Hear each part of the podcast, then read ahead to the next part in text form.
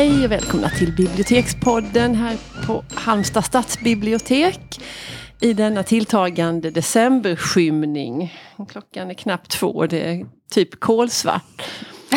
ja. Men vi sitter här som två eh, adventsljus, ja, Jeanette ja, Malm, vi eller hur? tindrar i kapp med julgranarna på torget. Ja, det gör vi allt.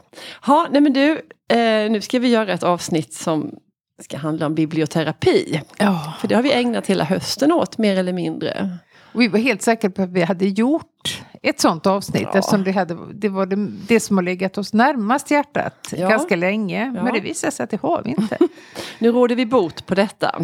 Ja, det gör vi. Ja. Ska vi börja med en liten faktaruta? Mm. Vad är det här med biblioterapi? Det är lätt att tro att det är ett nytt påfund. Mm. Och de flesta, eh, när man nämner biblioterapi, och så var det för min egen del också, att det var ett inslag i Babel, det här litteraturprogrammet Jessica Gedin leder, Mm. ganska länge. Då hade de en så rolig, för det första världens bästa vignett. Supersnygg vignett. Supersnygg och det var Prozac och det var böcker och det var, ja. Ja. Eh, Och då var det att eh, läsare skickade in att eh, jag Något har... lidande. Ja, jag har blivit övergiven eller jag ja, känner så här. Vad ska jag läsa? Och så fick de väldigt bra boktips Mm. av eh, dels Jessica Gedin och också, också av de författarna som Mm. hade gästat programmet.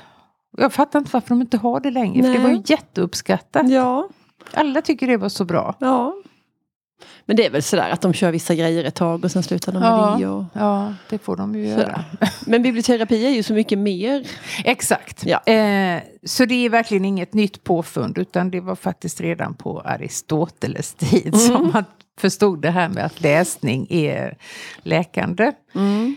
Men i liksom mer organiserad form så kan, brukar man säga att det började i USA på eh, alldeles efter första världskriget. Mm. Och då använde man det på de här traumat, svårt traumatiserade männen som kom tillbaka från kriget. Mm. Och var ofta liksom förstummade och eh, alltså, med fruktansvärda psykiska men av. Och ingenting hjälpte riktigt. Mm. Och då prövade man med att de fick läsa dikter. Och det var i många fall väldigt förlösande. Så att deras känslor liksom... eh, Mm. De kunde börja gråta. de kunde börja gråta få och, kunna börja med... prata om det de hade varit med om. För Ja. det var väl det som var... Alltså man ville inte det utan de skulle Nej. glömma och gå vidare. Och Mm. det funkar inte så bra. Eh, och på 40-talet någon gång skrevs den första doktorsavhandlingen i USA Mm. om biblioterapi. Så där använder man det som ett självklart medel eh, Ja. i många olika sammanhang.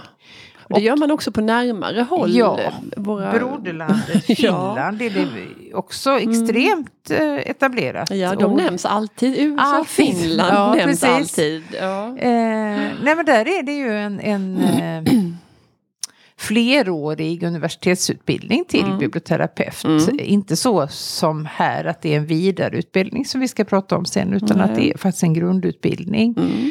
Och den är vissa steg som man måste gå. Ja. Eh, Och också även gå egen terapi om man ska klara, om man ska få gå Precis, hela utbildningen ja. färdig. Och något som jag heller inte riktigt förstod tidigare var att det handlar faktiskt inte bara om läsning. Eh, utan det kan vara också att man använder sig av eh, eget skrivande och tolkning av bilder. Ja, och jag tänker också att det är ju det här, de här samtalen efter, efter det lästa, för det är ju inte bara att man går hem och läser, utan Nej. det är ju det här... Inte ens att man går hem och läser Nej, nej. alls. Utan Nej. eh, det, gruppen är ju väldigt central. Mm. Att man pratar med andra om, Mm. att man tar avstamp i någonting som man har läst. Ja. Och sen, så, och sen som jag har förstått det så är det den stora skillnaden är då vad känner jag inför det här? Hur, på vilket sätt påverkar texten mig? Vad, förlöser det någonting, tangerar det någonting som, som slår an hos mig själv? Ja. Att det är fokus på, på läsarens känslor och, Mm. och inte på vad menade författaren med detta? Nej.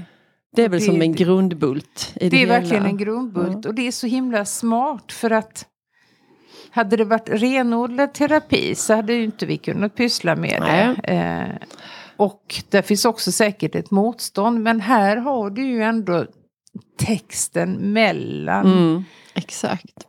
mellan personerna. Mm. Och det gör det ju så mycket enklare.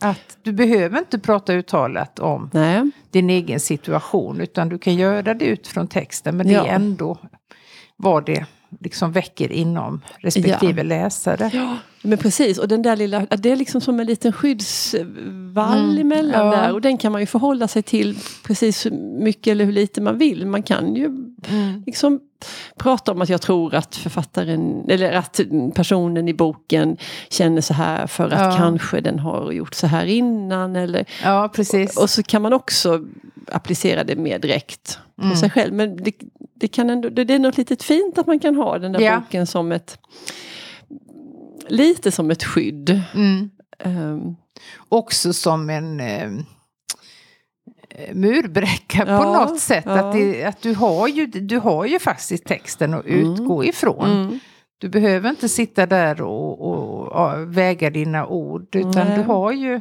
man kan hela tiden gå tillbaks till den. mm, mm, Och en annan sak också, det är ju till skillnad mot traditionella läsecirklar och biblioterapeutiska, är ju att du inte läser någonting hemma eller emellan. nej, Utan du kommer, alla kommer helt oförberedda till Mm, träffen och mm. får en kortare, det är också Ja. ett nyckelord, en kortare text. mm.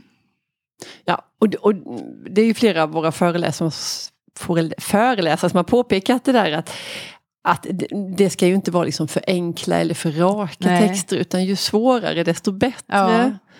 Det var ju, tycker jag var otroligt befriande. Ja, äntligen får Äntligen något vara något vara svårt. ja. Utan att vara obegripligt. Mm. För att det är ju inte, du ska inte knäcka några koder. Eh, utan du ska faktiskt utgå ifrån vad det väcker. ja. Men vi, du, du gick vi händelserna lite Ja, vi grann i förväg Ja. där. För du- vilka föreläsare är det du syftar på? Ja, men ska, vi, ska vi ta det lite som vi ändå hade tänkt? Att vi kan ju be- berätta om den här utbildningen som vi har gått Ja. lite ordentligare. Hela hösten. Hela hösten, fantastiskt. Mm. Och denna utbildning äger då rum på Ersta Sköndal Bräcke högskola. Allt ute i Stockholm på Söder. Mm. Mm. Många trappsteg upp och många trappsteg ner. Moster Josabets trappa. Ja, Mamsell. Josabets Mamsell, Den har vi trappa. gått i. Har vi sannerligen hjälpt till att... Min telefon fick helt fnatt. Så många steg. Så många steg har hon aldrig fått i det här flacka landskapet vi befinner oss till vardags. Nej, jag håller med. Och när jag var där så var det, ja, det var oändligt antal. Det är roligt. Ja, det var väldigt vacker byggnad. Det behöver vi inte uppehållas vid. Men det kändes fint att gå till skolan och ha en sån vacker väg från ja, hotellet ja, det var till, jättehärligt. till skolan. Jo, men där finns det då utbildningar för det är ju den enda som finns i Sverige Mm. f- s- värd namnet eller överhuvudtaget som sysslar med biblioterapi. Och som jag har förstått det då så är det vissa terminer så är det intag och, och det är ju en uppdragsutbildning så att man måste ju ha en Du yrkesutbildning. måste vara anställd och du måste ha en Mm. ganska generös eh, arbetsgivare. För den är, för det är inte, dyrt. den är dyr, Mm. men värd skulle jag vilja säga. Ja, absolut. Den här terminen som vi gick här nu i höstas, då var det en lite mer omfattande utbildning och den riktade sig inte bara, inte endast till bibliotekarier utan Nej. till eh, kuratorer, eh, terapeuter, eh, psykologer, eh, en diakon, ja man jobbar som diakon. ehm, Ja, några lärare har jag för mig Ja, att det det var var också. det också. Ja, speciallärare och folkhögskolelärare. Mm. Och, och det var ganska kul att, att Mm. vi var så spridda. Ja, Det var väl både, både bra, men det var, det var ändå det, Vi var ju i intressant. majoritet vi som var Mm. bibliotekarier. Men Mm. Men ja, nej men så gick det till och det var två dagar med ganska täta intervall hela hösten. fyra gånger totalt. Ja. Mm. Eh, späckat med föreläsare. ja, otroligt späckat. Eh, Vi är ju inte vana vid att sitta stilla sådär länge. Nej. Nej. Men det var ju Nej, inga och allt problem. detta tågåkandet och sena... Ja. Nej, men det, vi ska verkligen inte beklaga oss. Men det har varit en ganska ansträngande höst i och med att vi har gjort detta upp till vårt hel, Ja, ja. heltidsarbete. Ja. Och den här har gått då på halvfart, eller kvartsfart. Kvartsfart. Mm. Så vi har inte varit sysslolösa. Det brukar Inte vi precis. kanske inte vara annars heller. Men, eh, lite nej, mer men man fick ju vanligt. ändå ha lite koll på kurslitteraturen och vara Mm. lite med på att skriva sin uppsats och allt. Och Vår biblioterapeutiska livslinje. Ja, just det. Ska vi faktiskt- berätta vad det är för någonting? Ja, Ja. det är ju precis vad det låter som. Ja. Att man, eh, tar fram ur sitt eh, arkiv. så vi har ju alla det med gemensamt att vi läser kanske väldigt mycket mer än genomsnittspersonen. Mm. Eh, nej, men det, man har läst många böcker i sitt liv. Och plocka ur de där som haft särskilt avgörande betydelse mm. på olika sätt. Ja. Och sätta ihop det till en livslinje. Mm. Och då kan man nästan se liksom vart den här läsningen, vart, vart den bär och hur ja. den har påverkat ens eh, alltså mm. livsval faktiskt mm. ibland. Det har mm. starka upplevelser. Ja. Och när man tänker tillbaka så tänker man, ja men gud. Alltså bara mm. att reflektera om det har mm. varit väldigt nyttigt. Jätteroligt och sen fick man också åskådliggöra det här på, ja. på olika sätt. Eh, man kunde både sticka och virka eller göra ett collage var det flera som gjorde. Ja. Eller, jag tycker du gjorde en väldigt kul grej. Ja, jag är supernöjd. Ja. För jag tänkte att det här var som, att de här böckerna som har påverkat mig under hela livet, att det har varit som, som nycklar in till liksom okända gemak i mitt inre. Mm. Som man har vetat om att det finns ju väldigt mycket outforskat eller som man inte riktigt plockar fram. Och då mm. kan verkligen litteraturen öppna de där mm. rummen och så kan man titta in och säga, ja men så här är det ju också, det här är också jag. Mm. Och så jag hade tagit nyc eller nyckelringar och nycklar. Och så hade jag gjort små kopior av bokomslag. Mm. Och plastat in dem och hängt dem tillsammans med de här nycklarna. För jag tänker att, ja, som sagt, att böcker är som nycklar, mm. att de kan öppna mm. okända rum. Jo men också göra det så eh, konkret, det var mm. väldigt kul. Ja, och ja, dekorativ hade, idé. Ja, jag hade kul när jag gjorde det. Jag hoppas inte några nycklar är på vift där hemma nu. För jag tog alla möjliga ja, stora. Konstigt det där, man vågar aldrig slänga nycklar. Nej. Man har inte en susning om vart de går, men de ska påse, hänga i nyckelskåpet. ja, eller vi har till och med en liten påse med. Ja. Det är nog cyklar man inte har längre. Ja. Nej men det, det, ja, men det är en, en um, intressant sak att reflektera över, den där livslinjen. Mm. Mm. Nej men vi fröjdades ju hela tiden där åt. Det var ja. väldigt bra upplägg på den här utbildningen. Mm. Och det var mycket föreläsningar med olika aspekter ur ja. Eh, hur man kan jobba biblioterapeutiskt. Ja, både från golvet och från forskarhåll ja. och allt däremellan mm. faktiskt. Vi, har namn, vi vill namnge några här har vi mm. bestämt oss för. Eh, det finns en bibliotekariekollega i Mellansverige eh, som heter Helena Broms. Mm som var jätteintressant och hon verkade så otroligt besjälad av ja, och allt hon har gjort. på det här området ja. också i Sverige faktiskt. Ja. Och hon både inspirerade och avdramatiserade ja. tycker jag. Det hela verkligen. Det var det hon gjorde för mig. Ja. Eh, för vi hade vissa det här. Vi, vi var inte så rädda för det biblio för leden. Men däremot det terapeutiska. Mm. Att ge sig på någonting som kallas för terapi, det kändes mm. jätteläskigt. Nej, det var som att man var ute och tassade på andras ja. marker. Och att man skulle orsaka liksom större skada än eh, nytta kanske. ja. Men det avdramatiserar hon sannerligen. Mm. Eh, hon hade ju en devis, eh, Helena Broms, kommer mm. du ihåg den? Ja men den kommer jag ihåg.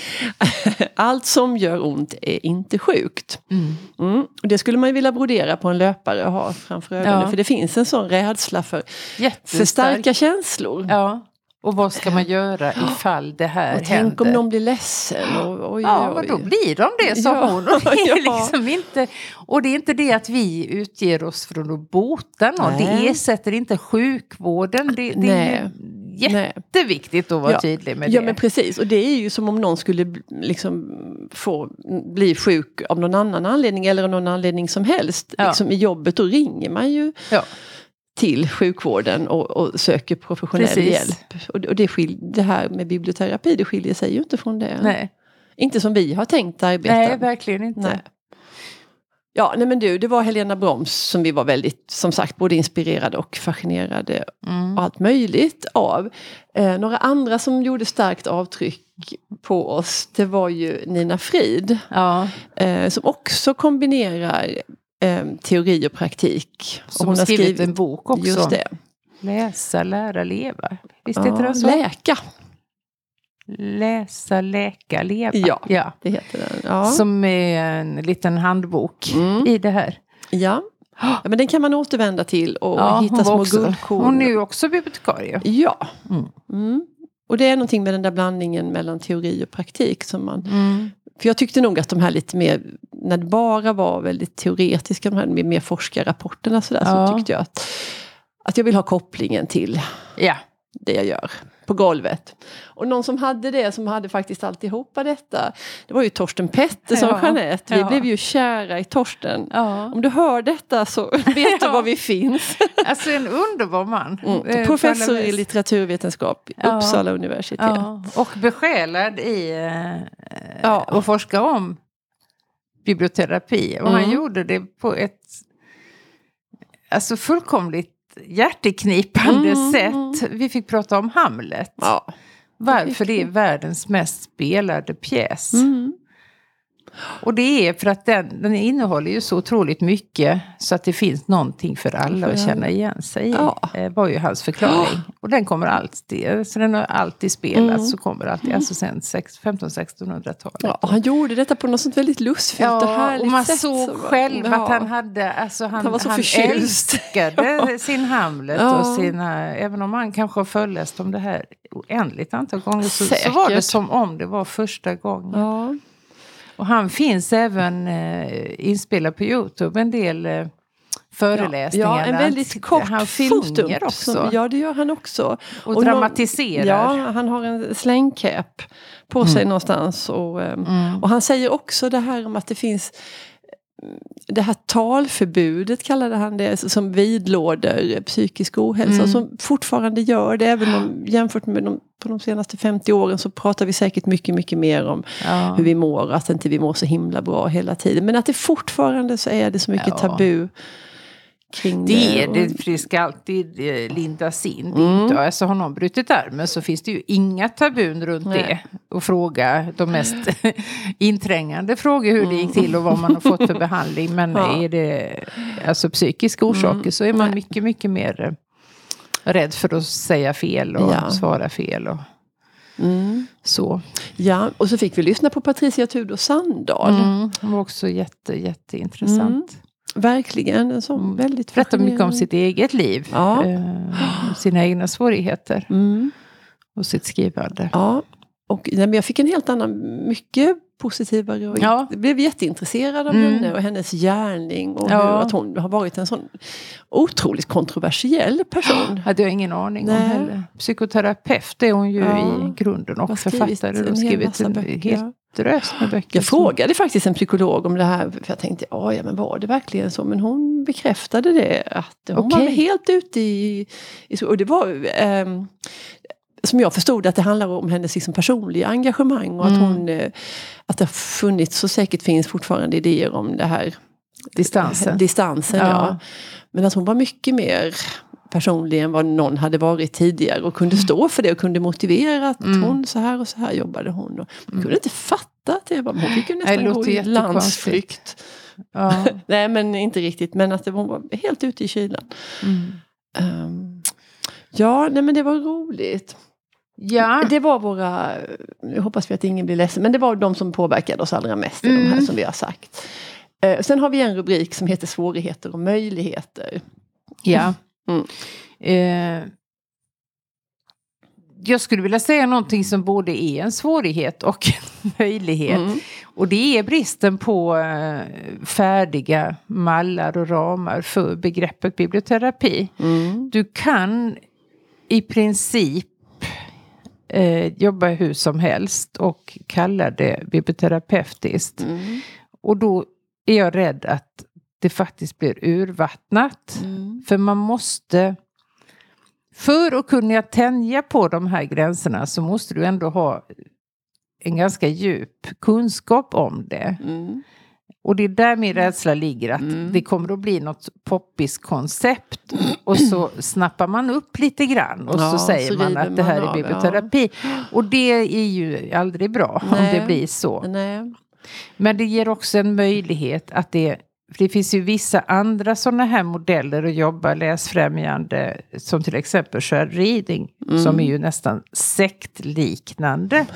Där får du ju inte ens säga att du, att du s- sysslar med shared reading. Om du Nej, inte har om man gått inte en, har varit i Liverpool. i Liverpool på en kurs. internatskolan där. Eh, så där slår det, och det, det är ju att göra saker och ting mycket märkvärdigare än vad de är. Mm. Men med det sagt att har man grunden och vet vad man gör så är det en frihet också att du kan använda det väldigt fritt. Ja, och det, ja, ja men absolut. Och sen finns det ju det här, alltså man kan ju använda biblioterapi verkligen liksom till, kliniskt tillsammans med, en, Ja. en, eh, med vården, med en psykoterapeut och man kan rikta sig till en speciell grupp med personer som kanske har mist någon anhörig. Eller Mm. som, vi hade ju någon kurskamrat som skulle jobba med cancerpatienter. Ja. Och, och så så det, det är också ett väldigt brett spann. Och, s- Ja. och i den andra, på andra kanten där så kan man tänka som, som du och jag kommer att jobba Jeanette, att, att man kan öka sitt psykiska välbefinnande. Mm.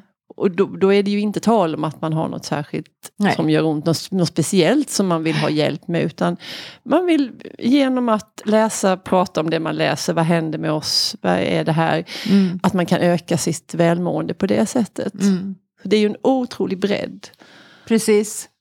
Och det är ju, känns lite tryggt att börja i den Ja. änden. Vi Ja. kallar det att vi riktar oss till svårmodiga. Ja.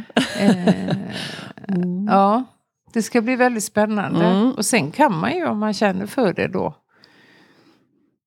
Det finns ju ett oändligt eh, Ja. antal möjligheter. Ja. Det finns ju de som har jobbat med eh, ekonomiskt utsatta Mm. till exempel Mm. eh, inom diakonin.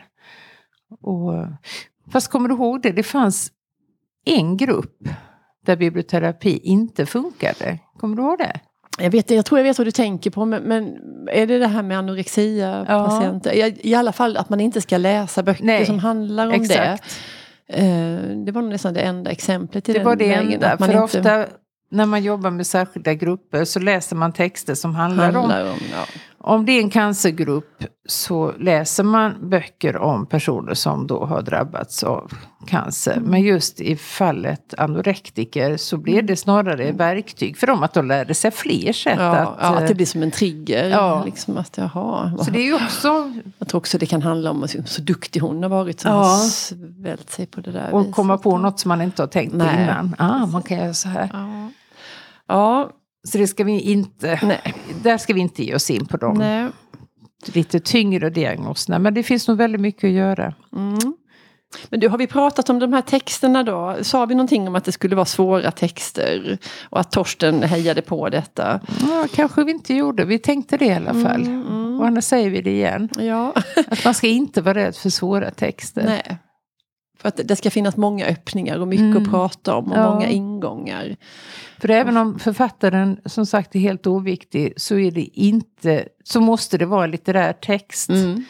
Eh, för att även om det är en text som är skriven med eh, någons hjärteblod så kan den ändå bli väldigt banal och väldigt platt. Ja. Även om den betyder extremt mycket för den personen. Ja, Men den, ja, den har inte det här litterära värdet och det är Nej. väldigt viktigt. För det finns- måste ju finnas liksom Det måste frågetecken finnas, och ingångar och utgångar. Och Mm. inte bara vara en, liksom en konstaterande Nej.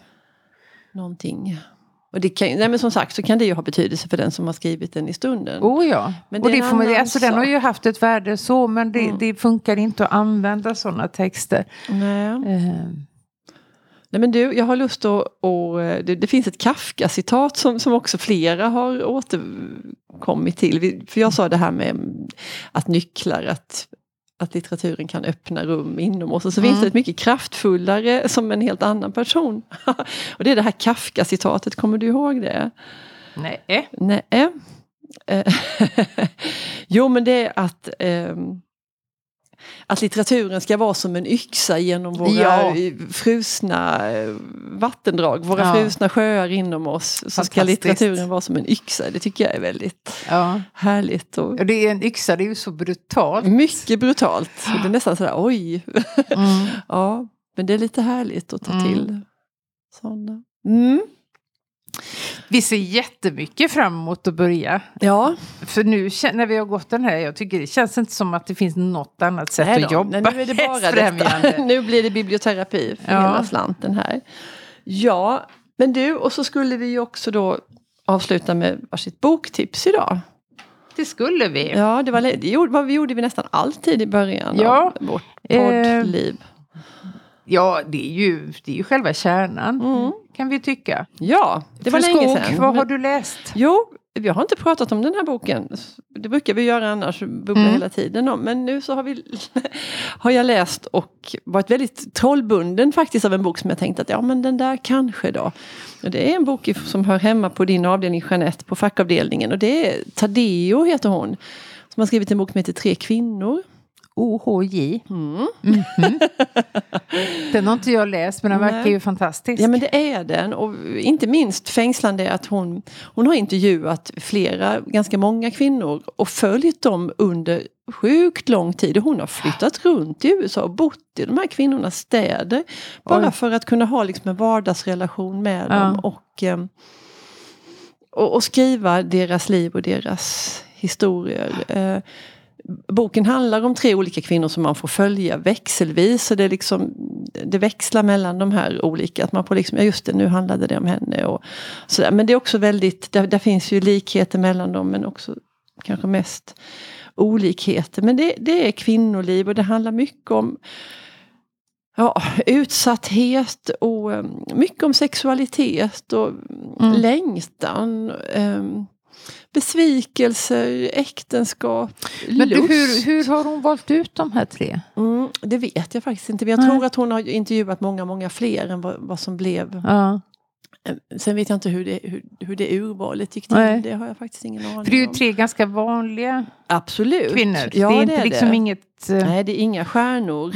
Nej. inga som utmärker sig utan tvärtom väldigt det är vardagsliv. Mm.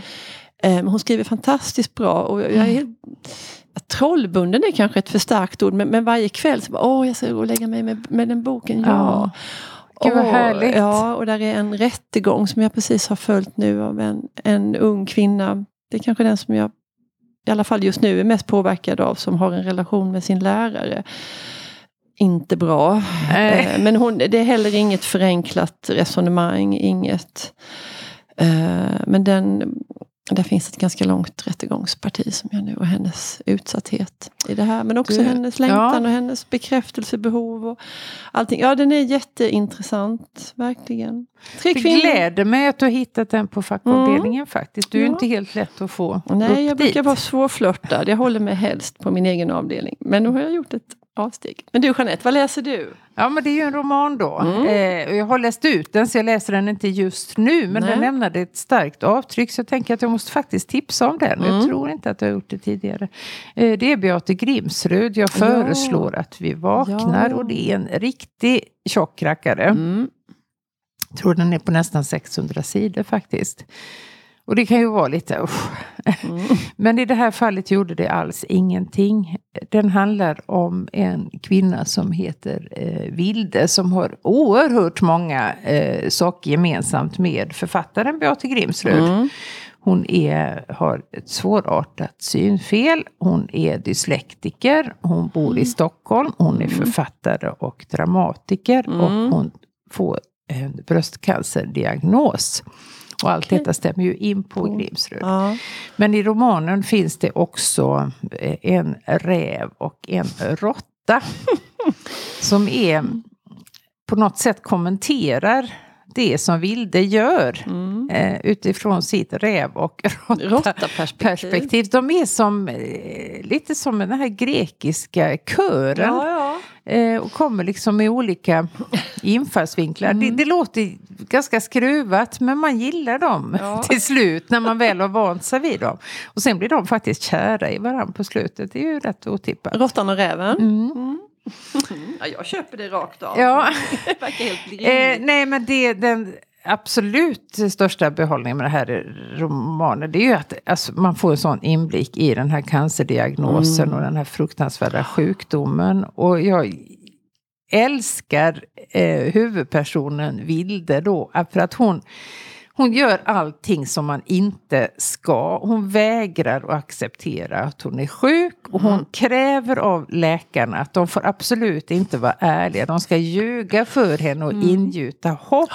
Underbart. Och hon vägrar att gå in i rummet om hon liksom ser på läkarna att det finns inget. Och de kan liksom inte, de får ju inte, de får inte enligt sin läkared ingjuta patienter hopp som inte finns. Nej. Hon bara, nej jag tänker inte lyssna på Fast det ingår att de ska trösta faktiskt. Ja, det, kanske är de, har inte glömt. jättebra Nej, på. nej. Men det, de får ju i alla fall inte ljuga. Nej. Och när de tiger då för att de inte kan ljuga. Nej. Och hon är så fruktansvärt alltså livrädd Mm. för den här cancern. På, och det är sida upp och sida ner och man tänker hur många sidor kan man beskriva den här rädslan? Och det kan, Mm. Det man, kan man. på hundratals sidor och det är fantastisk litteratur. Det Ja. är det. Och hur hennes, hon är ju samtidigt privilegierad. Hon har jättemånga vänner som Mm. ställer upp för henne hela tiden. Hon, hon har ju starka smärtor och men ett väldigt starkt skyddsnät. Mm. Jag blir jättesugen på att läsa den. Den är så bra. Jag vet att den här Endore Fri, den, den var jag tvungen att läsa om. Den Mm. lämnade mig inte så är det bara någonting i den vägen. Sen har jag tappat henne lite men jag blir jättesugen nu igen.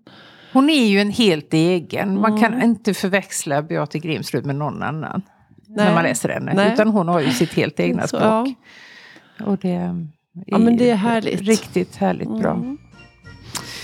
Det får väl vara bra så. Ja det får det väl. Ja. ja men då, Tack och hej då. tack och hej.